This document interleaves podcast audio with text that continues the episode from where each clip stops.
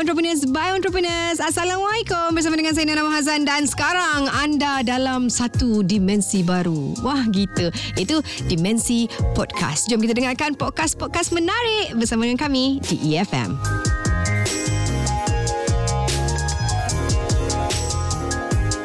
Hari ini memang sepanjang minggu ini kita bercerita mengenai perniagaan uh, bakery lah eh kek dan juga cookies dan sebagainya. Sebab minggu lepas kita cerita pasal pakaian memang macam uh, jenis perniagaan mungkin uh, perniagaan tu mungkin sama. Tapi uh, strategi dan teknik perniagaan tu mungkin berbeza untuk jenis bakery ataupun kek dan juga cookies. Dan satu uh, motivasi quotes ataupun benda mantra yang yang kita boleh ambil eh daripada seorang yang sangat istimewa yang memang dekat dengan EFM Annie Idris pernah cakap rezeki tak pernah salah tingkap bukan salah pintu. Ah tingkap selalu salah saya. Ah, kan? Kata rezeki memang uh, tak pernah salah pintu. Ah, apakah maksudnya di situ? Kita akan bersama dengan Annie Idris hari ini istimewa. Sebab hari ini dia nak memfokuskan mengenai macam mana kita nak brandingkan perniagaan bakery kita. Kalau daripada rumah ke ataupun online saja ke ataupun juga ada kedai. Sekejap lagi kita akan bersama dengan beliau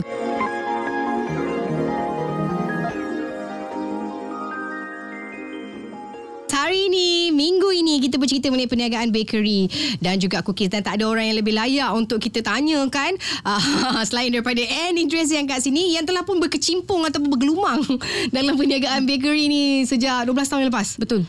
Wow. 12 tahun. 12 tahun eh dan sekarang beliau bukan saja meniaga meniaga masih meniaga sebab hmm. dia sekarang tak payah dah turun padang ataupun memanaskan diri di oven sekarang beliau lebih fokus memberi mengajar balik okay, giving back to the community Betul, kan betul. Ha, dan uh, beliau merupakan seorang speaker yang hari ini akan berkongsi dengan kita cara-cara marketing dan juga branding adakah penting itu semua Itu sangat-sangat penting kan Nana eh. Mm-mm. Pada saya marketing tu adalah sesuatu yang untuk kita memperkenalkan kepada orang luar. Mm-mm. Contoh macam kalau kita buat dekat rumah, Mm-mm.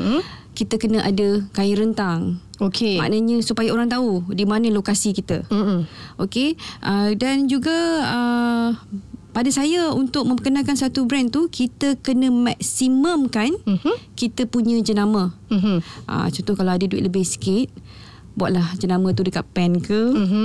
dekat topi ke, kat baju ke. merchandise lah maksudnya Yes. uh-uh. Jadi sebenarnya berbagai jenis marketing yang kita boleh buat. Mm-mm. Uh, macam uh, kalau kat rumah ataupun kedai kita boleh wujudkan satu kad diskaun, Mhm. voucher dan juga member card. Oh, tu maksudnya untuk kita punya loyal customer lah. Betul. Maknanya sekiranya kalau kita bagi tahu chop yang ke-10 akan dapat kek satu free. Oh. You rasa datang tak? Kan lagi lah nak, nak cukupkan job tu. Betul. Ah, okey. Itu idea-idea yang, yang ini yang mana yang pernah saya buat Mhm. dan juga yang uh, ramai juga yang buat Mhm. uh, untuk uh, voucher card, member card. Kemudian uh, berkenalan dengan customer anda. Okey. Ah. Cik jodoh ke apa? Bukan Bukan, jodoh. bukan, bukan. I pun Bukan. tak jodoh lagi. Jodoh-jodoh tak sampai Ah, lagi. Ah, InsyaAllah tu around the corner katanya. Okey. Ah. Maksudnya berkenalan dengan customer kita maksudnya? Dia sebenarnya macam ni Nana. Market, marketing yang berkesan ialah membeli hati customer. Mhm. Saya suka uh, menjual dengan memegang hati customer. Mhm. Maksudnya bila memegang hati customer tu, uh, bila dia beli barang kita, kita tanya dia Mhm. dengan penuh senyuman. Mhm. Apa khabar? Hari ni kita ada produk baru apa semua, memperkenalkan, bagi rasa sikit. Mhm. Itu secara tak langsung mempromosikan produk anda. Mhm. Dan sekiranya customer tu happy, dia keluar daripada rumah Mhm. ataupun kedai, dah tentu dia akan bagi tahu pada rakan-rakan Kawan-kawan dia. Betul. Mm-mm. Jadi maksudnya uh, kita kena ambil hati uh, customer. Ha, macam dah terambil dah hati producer saya ni. Maksudnya kita kena ramah, kena cakap walaupun betul. kita Betul. rasa benda tu kecil je. Betul, benda tu betul, macam betul. eh tak ada efek tapi sebenarnya betul. kalau kita dapat touch their heart, dia akan panjangkan bisnes kita kepada orang lain. Okey dan seterusnya? Yang ketiga yang sangat berkesan, Mhm. saya rasa eh, lancarkan pertandingan ataupun cabutan bertuah. Lancarkan pertandingan, so, contohlah, Mhm. teka berapa berat kek ni. Teka berapa berat kek? Yes. Ha, ingat teka berapa berat kan? Oh, saya berat sangat.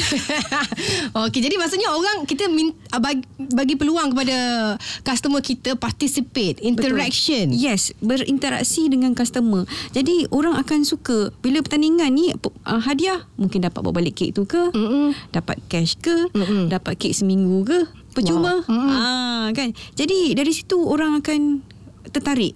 Ha, sebab pada saya marketing ni sekarang ni kita dah kena buat luar biasa. Mm-mm. Kita dah tak boleh marketing yang saya kata tadi yang kita letak banting apa semua tu yes tu betul. Mhm. Tapi sebenarnya marketing yang macam ni lebih berkesan. Mhm. Kerana setakat orang tengok dekat signboard sekadar orang lalu je. Mm-mm. Tapi kita kena lebih rapat dengan customer dan pegang hati customer dan bagi tahu apa yang kita buat. Datang kedai ni, Mm-mm. datang rumah saya ni uh, apa yang dapat. Mm-mm. Maknanya Okey, contoh kalau kita buat kuis, katalah kita buat pertandingan dan sebagainya. Ada tak tidak ke itu menambahkan lagi kos kita? Macam okey, kita kena bagi free cake. Mm-hmm. Ha itu dah dah ada kos di situ mm. sebenarnya kan? apa-apa marketing pun Mhm. memang akan mengeluarkan kos. Yes. Ah, Hmm. jadi jangan kedekut lah. Ha, jangan kedekut. Tipsnya di situ jangan kedekut, Ah. jangan takut untuk spend sedikit Betul. untuk marketing. Kerana pulangannya berbaloi. Mm-hmm, berlipat kali ganda. Ah, Itu tips yang ketiga lah. Ha, adakan pertandingan kuis dan sebagainya supaya kita ada interaksi bersama dengan kita punya customer. Dan seterusnya adalah Mempromosikan sesuatu produk tapi terhadkan permintaan. Ah ni kena faham betul-betul. tak faham sangat tu. Okey, Okay, Nana. Sebenarnya huraikan, Saya- huraikan. Saya huraikan ya. Okey. Mempromosikan suatu produk tapi kita terhadkan contoh Mm-hmm. Kata kita buat keluar contoh satu upi pie. Mhm. Upi pie ni boleh dapat setiap hari Rabu saja. Uh, Hari lain tak boleh. sebab Sebab kerana special. Okey. Jadi biar orang tertunggu-tunggu apa yang teristimewanya upi pie ni. Mm-mm. Jadi hari lain tak boleh. Mm-mm. Nak kena tunggu hari Rabu juga. Mm-mm. Jadi sekiranya diorang datang hari Rabu untuk mendapatkan upi pie, Mhm. secara tak langsung diorang tahu, oh rupanya bukan setakat ju- jual upi pie je. Mm-mm. Tapi sebenarnya bermacam-macam produk juga yang jual. Okey, jadi maksudnya bagi orang tu nanti-nanti. Betul. Tertunggu-tunggu hmm. untuk sesuatu produk tu. Dan satu lagi Nana, hmm. yang saya rasa yang ini memang berkesan, menaikkan harga. Kadang-kadang orang akan menurunkan harga, itu betul. Okey. Tapi menaikkan harga.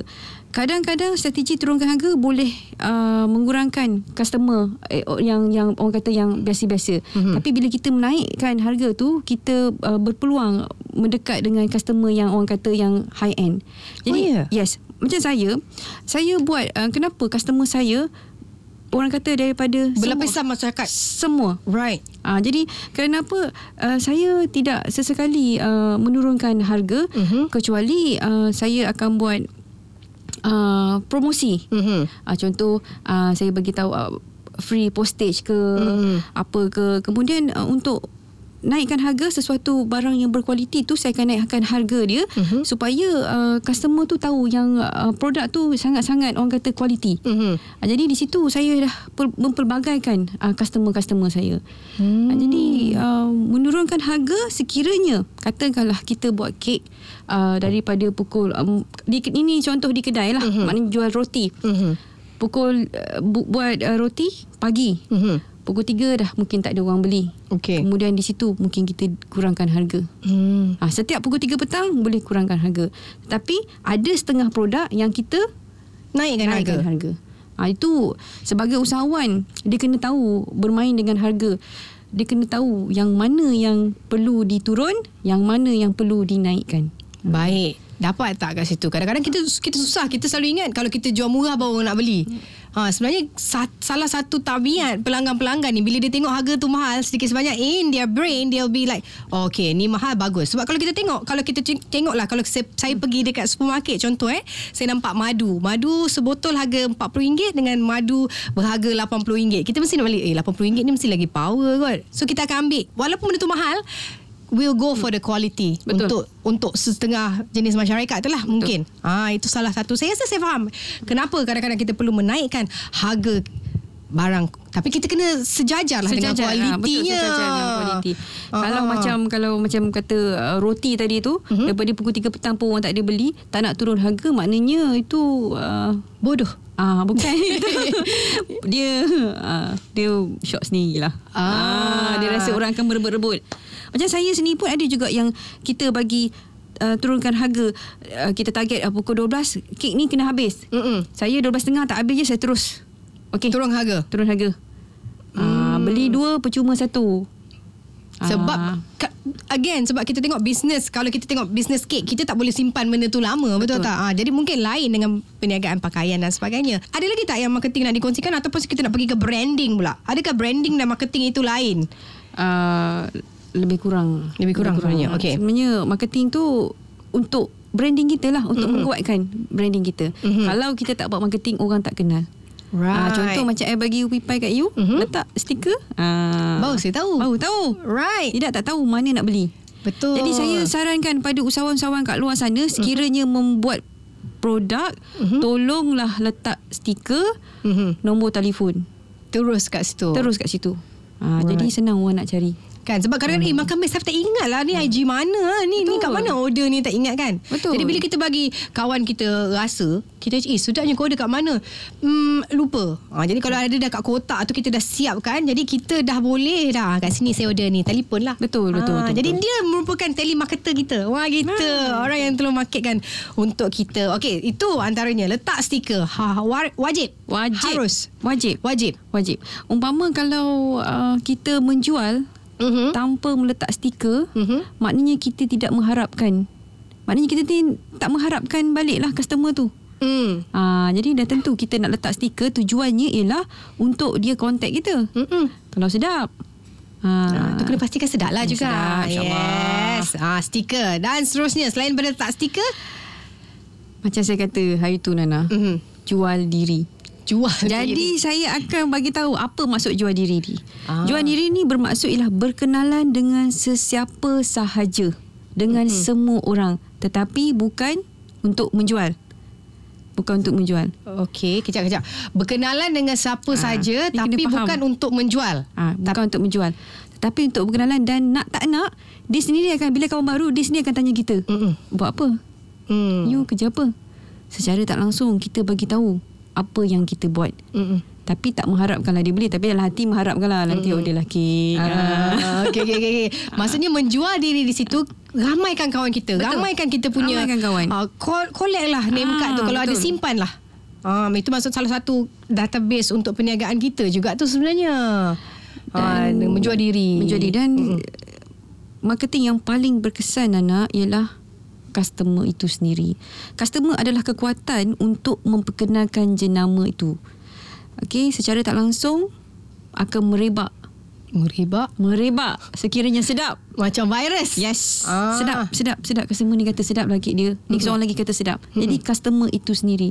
Marketing tu Yang terbaik adalah Customer itu sendiri Yang membuat Promosi Untuk kita Hmm. Yes, Ah. tapi in the end of the day apa yang produk kita keluarkan, kita kena percaya juga lah kan. Betul. Maksudnya kita kena kata okay, sebelum aku nak menjual dia aku kena percaya my own product. This is bagus. I I know this is can sell kan. Hmm, ha, melainkan kalau kita jual benda kita pun tak suka nak makan, Betul tak? susah juga. Kita kena kenal customer kita. Mhm. Kita kena kaji siapa customer kita ni. Mhm. Ha, jadi macam tu juga uh, dalam sesiapa yang buat kat rumah Mhm. dan saya percaya zaman sekarang ni ada zaman online. Mhm. Jadi kita tahu customer target kita. Mhm. Ah, siapa customer kita sebenarnya kan Nana saya nak bagi satu tips sikit eh kita nak cari customer customer kita customer yang betul-betul membeli Mhm. contohnya Nana kalau kita letak sesuatu gambar dalam Instagram Mhm.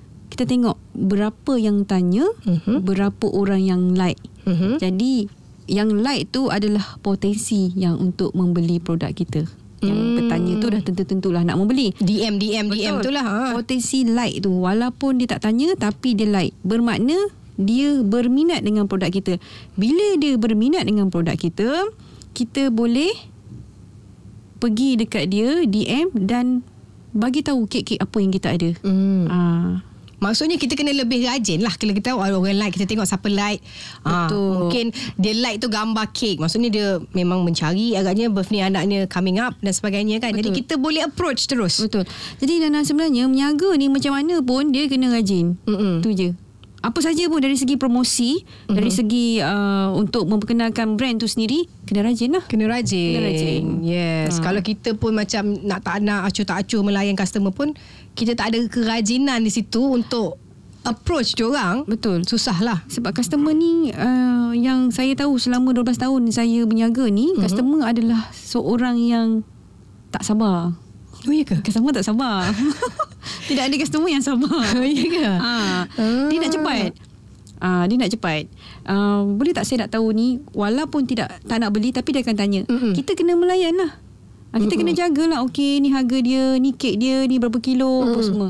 Okey nanti saya contact balik. Okey. Mm-mm. Nanti dia Dia balik. survey dulu yes, lah maksudnya. survey. Ha, itulah customer yang membuat kerja dia. Betul. Itu survey. Kita Betul. sebagai penjual kita pun kena buat kerja kita Betul. menjawab. Contohlah Menjawab. dia memang berminat dan nak beli untuk uh, kek daripada kita. Tapi kalau kita jawab lambat, dia dah tanya orang lain, orang lain tu jawab cepat, dah melepas satu peluang kita di situ. Kemudian jangan uh, menyusahkan customer.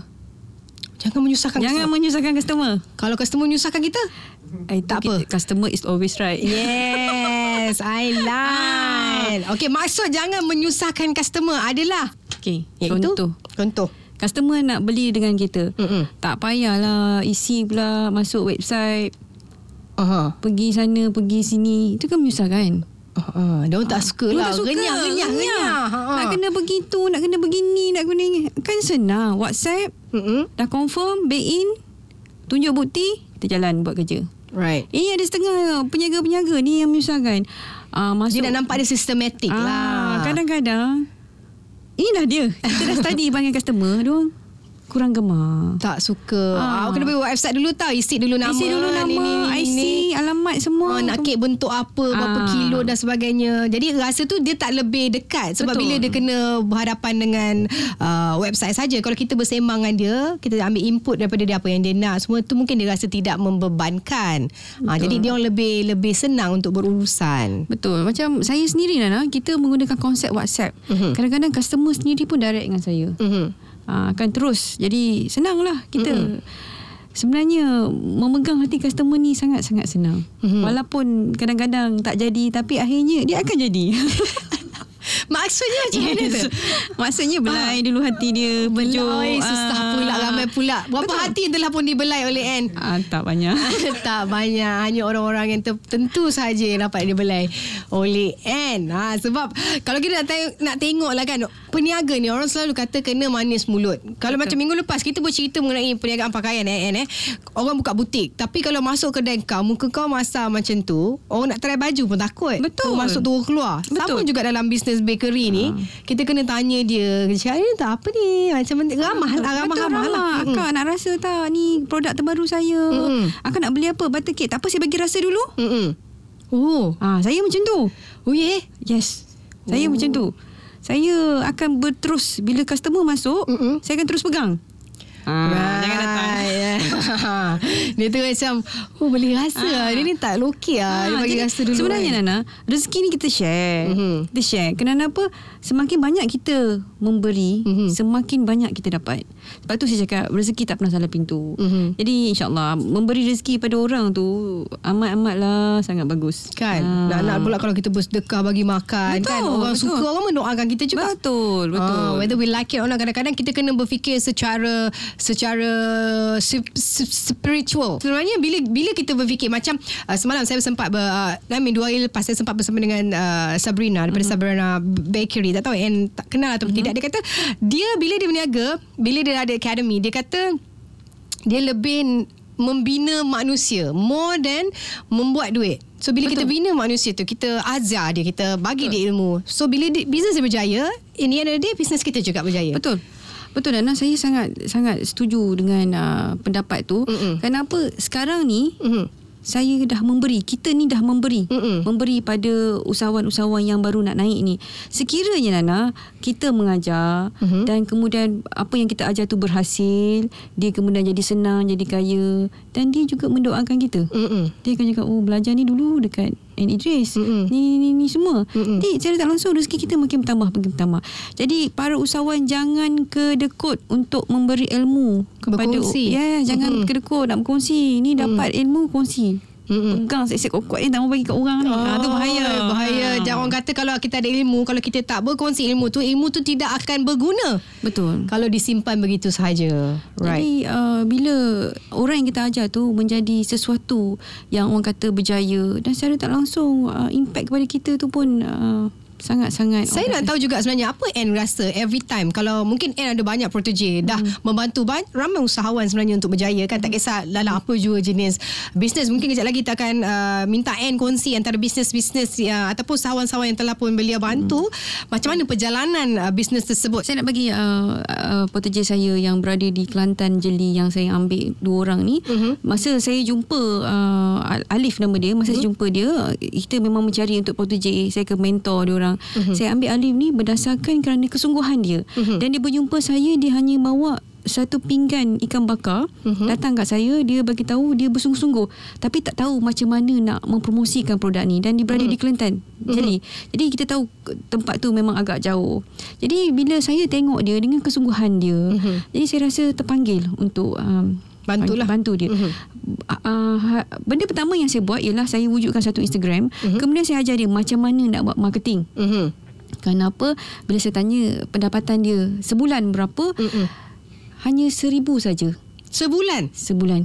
Jadi benda tu Ui. memang Eh nak makan apa ni ha, kan Seribu ada ha. ada anak nak, yes, nak, ada nak, anak. nak, nak rolling Betul. duit lagi Macam mana ha, Jadi saya terpanggil untuk membantu dia Jadi saya ajar dia semua teknik-teknik Dan uh-huh. tapi Dia ni yang saya ajar ni adalah khusus online uh-huh. Jadi bila saya ajar dia Pendapatan dia sekarang uh-huh. Bukan kata sebulan uh-huh. Tapi seminggu 2000 ke 3000 mm-hmm. dan sekarang produk ikan bakar dia tu maknanya sos sambal dia tu dah pergi ke Shah Alam dah pergi ke Kuantan mm. uh, jadi saya membantu dari segi first kali saya cakap dengan dia I, uh, Alif ikan bakar ni apa nama dia Mm-mm.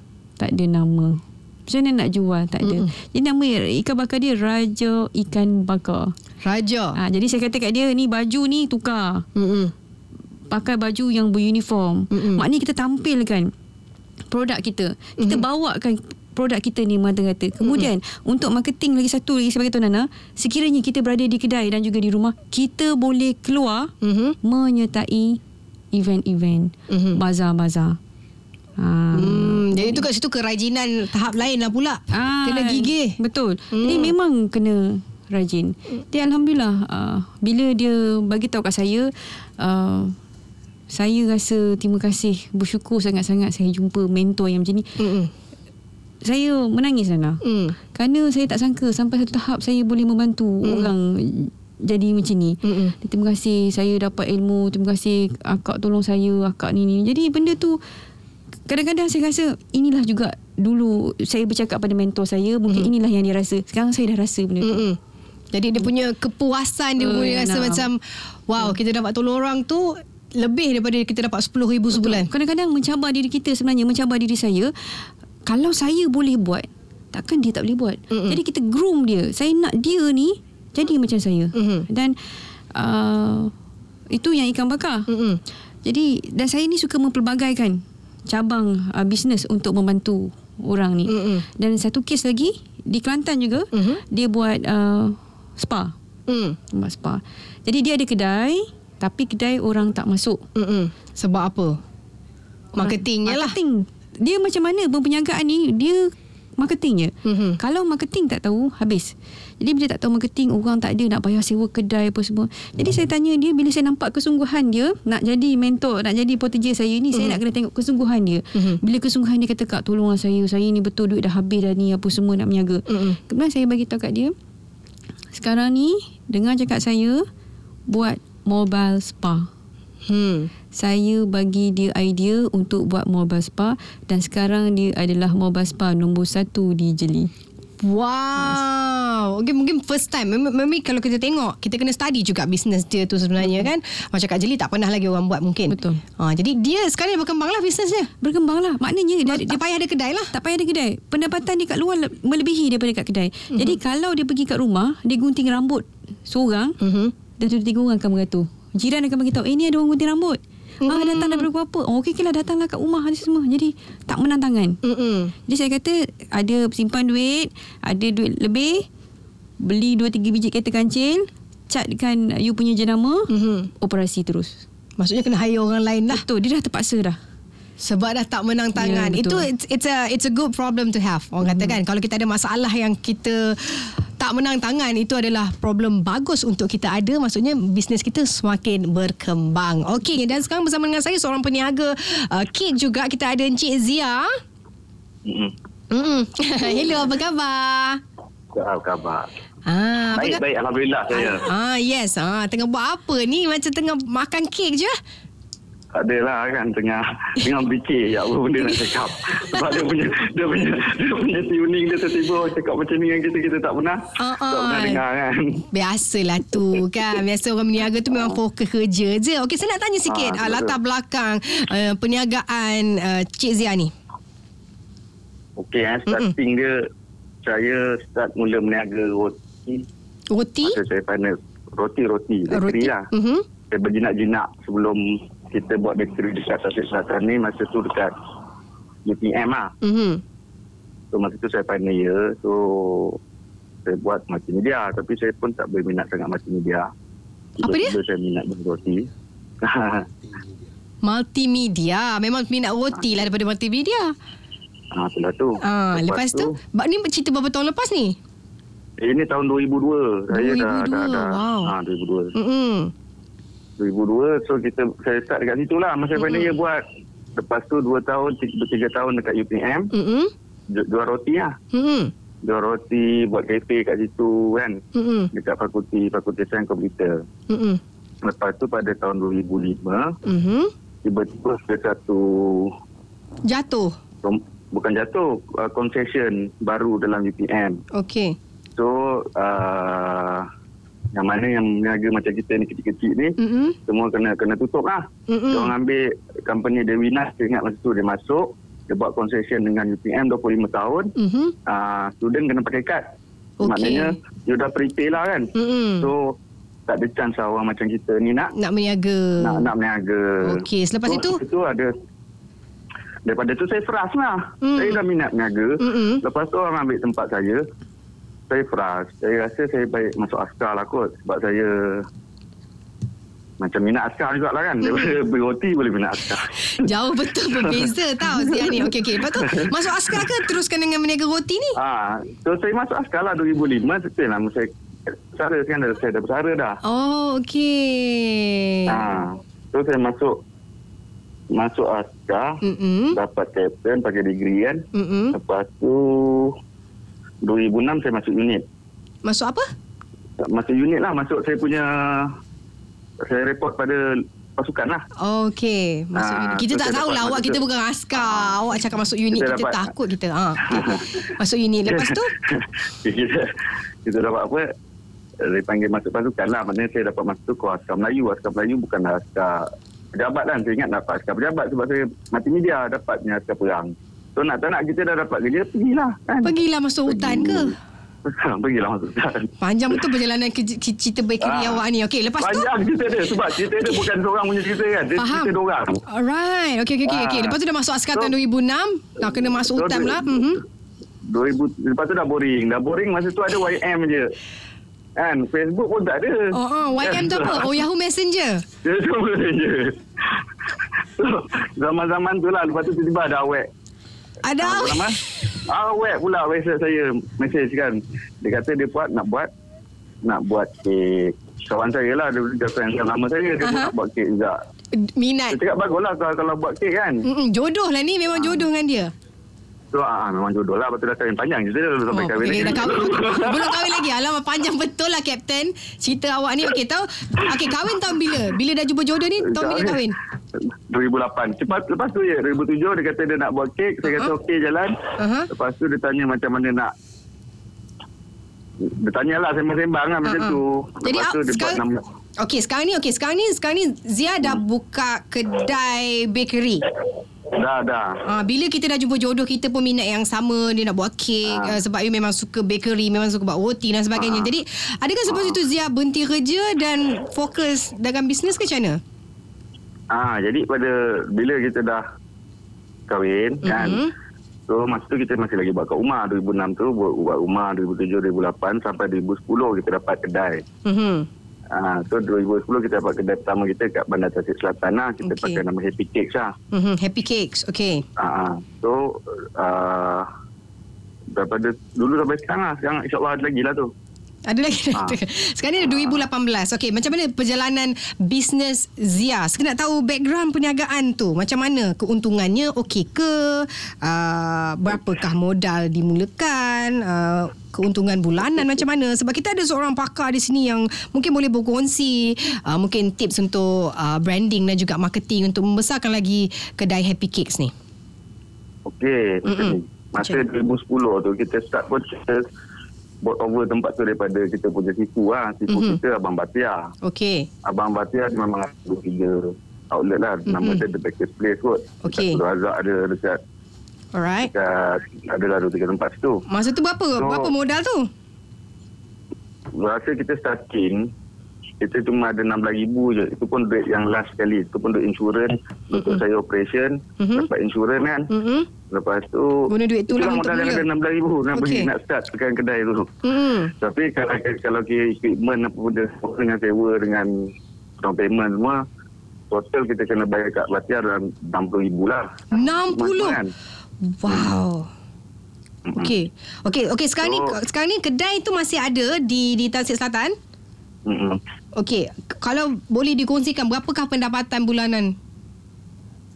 Pada tahun starting kita 2010 tu eh, yearly kita boleh boleh pergi 300 lebih lah. Mhm. 300 setengah macam tu. Mhm. 2011 pun kita naik lagi 400 sampai kita hit 2013 dah dalam 500 lebih lah. 500 Tahun. ribu lah. Setahun. Ha. But then Dah kena bayar GST sale, ni. Tapi Ah, okey. okay. itu sale. But then kita punya operation cost Mhm. semua naik. Semua naik lah, betul lah. Ha, semua naik. Sebab Memang ada tak kena sabar lah kan. Mhm. Lepas tu kedai sewa tak tak tahu naik. Mhm. Kan betul tak? Lepas tu elektrik naik. Mhm. Air naik. Gaji budak naik. Budak pula tak nak berhenti dengan kita. Dia suka kerja dengan kita. Mhm. kita pun takkan nak buang. Mhm. So, Kalau baiknya bos ni. naik, Ah, kan.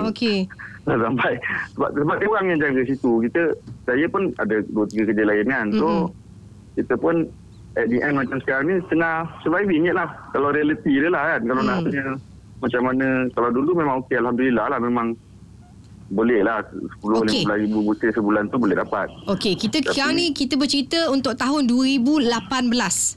Untuk 2018 Okey, 2018 untuk bulan Januari berapakah keuntungan? Bulan Januari Mhm. keuntungan Bulan Januari Tak ada keuntungan untung. tak ada untung.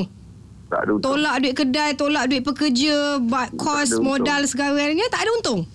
tak ada untung dah setahun daripada 2017 tu memang tak ada untung kita cuma survival je Hmm. Memang untuk gaji budak-budak lepas jam tu.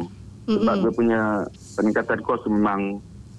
Memang, memang tidak membantulah Ha, perniagaan yalah. ini. Okey. Kek, kek harga sama Mm-mm. kan. Yang lain, Kos tu tak naik. yang kos tak naik. Lepas tu sentimen agama lagi. Ustaz-ustaz ni cakap sambut kek birthday tak boleh lah apa benda lah kan. Orang pun dah nak membeli orang pun duit dah tak ada. Mm-mm. Ah, benda macam tu lah kot. Okey, jadi sekarang ni sebenarnya kita nak bantu nak bantu bukanlah nak bantu kita mungkin nak bagi cadangan lah kepada Ah. Zia kan. Mungkin kita kalau boleh pendapatan kita sebulan uh, kalau paling untuk sedap lah untuk Zia berapa agaknya keuntungan sebulan yang Zia mahukan? Yang sedap. Duduk. Kalau meniaga, kalau zaman kita masa kita, kita tengah passion tu tengah ada kan. Mhm. Semangat tu tengah ada. Memang kita nak kerja 10-20 ribu. Mm-mm. Tapi kalau ada keadaan macam ni, benda imbalance dalam kita punya ekonomi, Mhm. apa benda yang kita boleh harap? Okey, Zia percaya tak kalau saya cakap ada orang buat uh, bisnes bakery di rumah pendapatannya 60 hingga 70 ribu. Percaya, tak? percaya. Ah. Benda tu memang percaya. Okey. Memang percaya. Dulu pun kita kita pun ada dengan kawan yang macam tu. Ah, ah, jadi- Cuma kita, Mhm.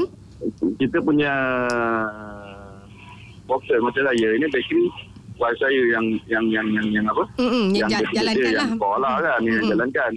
So bila kita pun terpaksa adapt dengan passion kita punya anak nak membesar saya Mm-mm, pun nak mm-mm. ke KL apa benda semua so kita kita ni Yes. kita punya business yang dah kita pernah buat dan Mm-mm. kita maintainkan dia lepas tu siapa at any time macam sekarang ni kita saya lepaskan kedai dan Untuk dia lah, untuk dia handle habis lah. kan Mm-mm. ah, dia untuk dia handle kita bagi kita buat satu company Mm-mm. bagi dia orang share lah so Mm-mm. budak-budak tu dapat share dia orang manage sendiri ya sayang so yang saya kita orang ni tunggu je kat sini Baiklah, As okey. long as benda tu boleh surviving, okey. Okey. Jadi kita kalau boleh kita tak nak surviving je. Kalau boleh kita nak milk it. Kita kalau boleh kita nak ada keuntungan yang boleh sama-sama dirasai. Isteri, suami, mm-hmm. pekerja dan sebagainya. Okay. Kalau Zia masih mendengar mungkin kita boleh dengar sedikit lah apa yang yang M boleh kongsikan lah Boleh. untuk marketing dan branding untuk Okey, Assalamualaikum Captain. Muka salam. Okey, saya Annie Idris. Ann. Ya. Mm-mm. Okey, jadi saya bila dengar cerita tadi saya dah tahu dah apa yang kita boleh uh, buat. Tapi uh, Captain kena uh, buatlah apa, kalau yang saya suruh ni. Contohnya macam uh, Captain membuat roti. Ada tak Captain meletakkan produk Captain di sekolah-sekolah? Di Dah, kantin? dah. Kita dah buat dah pernah semua. Benda tu semua kita dah dah, dah buat dah insyaAllah. Kita Masih sampai sekarang? main dekat dalam Universiti uh, Universiti Pertahanan, Mm-mm. uh, UKM dengan UPM. Memang kita ada masa tu kita kata 50 outlet. Mm-mm. So itu masa saya boleh handle lah. Jadi masa sekarang so kita pun dah tak boleh handle. So benda tu kita terpaksa on hold. Kita pun maintain je dulu sebab tak ada orang yang nak nak drive benda tu pergi. Mm-mm. Ah, jadi kalau okey so, soalan yang paling paling ultimate lah saya rasa. Adakah Zia nak bisnes berkembang ke tidak? Untuk masa sekarang saya rasa saya punya plan memang untuk hold lah dulu sebab bakery ni kita nak, nak risau apa as long as survive. Orang akan makan tak tahun pun sampai bila-bila itu prinsip saya punya meniaga lah kan. Mm-mm. Ah, sampai bila janji yang penting saya boleh bertahan dalam market 10 tahun 20 tahun dekat situ kedai saya ada sebab saya punya target adalah untuk cater orang yang keliling je. Saya tak ada nak nak pergi kontrol market dunia ke saya tak ada nak jadi Oh. macam ah, nak jadi macam siapa macam orang lain yang dia nak pergi Oh, barang okey. dia ni satu dunia tahu tak ada saya Oh, okey, kadang-kadang kita tak payah satu dunia pun. Kita satu Malaysia pun Ah. boleh boleh berjaya lah maksudnya. Satu Ah. Malaysia pun kita tak nak kata Kita nak sungai bersih Bandar Teri Selatan Kenal kita orang kita tu Dah cukup 20 tahun 30 tahun duduk situ kan je kita punya impian Kita bukan nak jadi yang paling kaya Tapi kita nak jadi yang paling lama Baik. Itulah Alright, kalau macam itulah yang dah di di di set kan, mungkin kita pun tak boleh tak boleh nak nak cakap macam mana kan sebab Zia memang dah selesa di tahap itu Ah, kan. Ah, yelah, okey. dia. Baik. Apa pun all the best. Semoga perniagaan Happy Cakes berjaya insya-Allah dan bertahan lama itu yang beliau mahukan. Insya-Allah. Terima Ah, kasih. kita kan. Ah, terima kasih sama Okey, bye. Kesalam.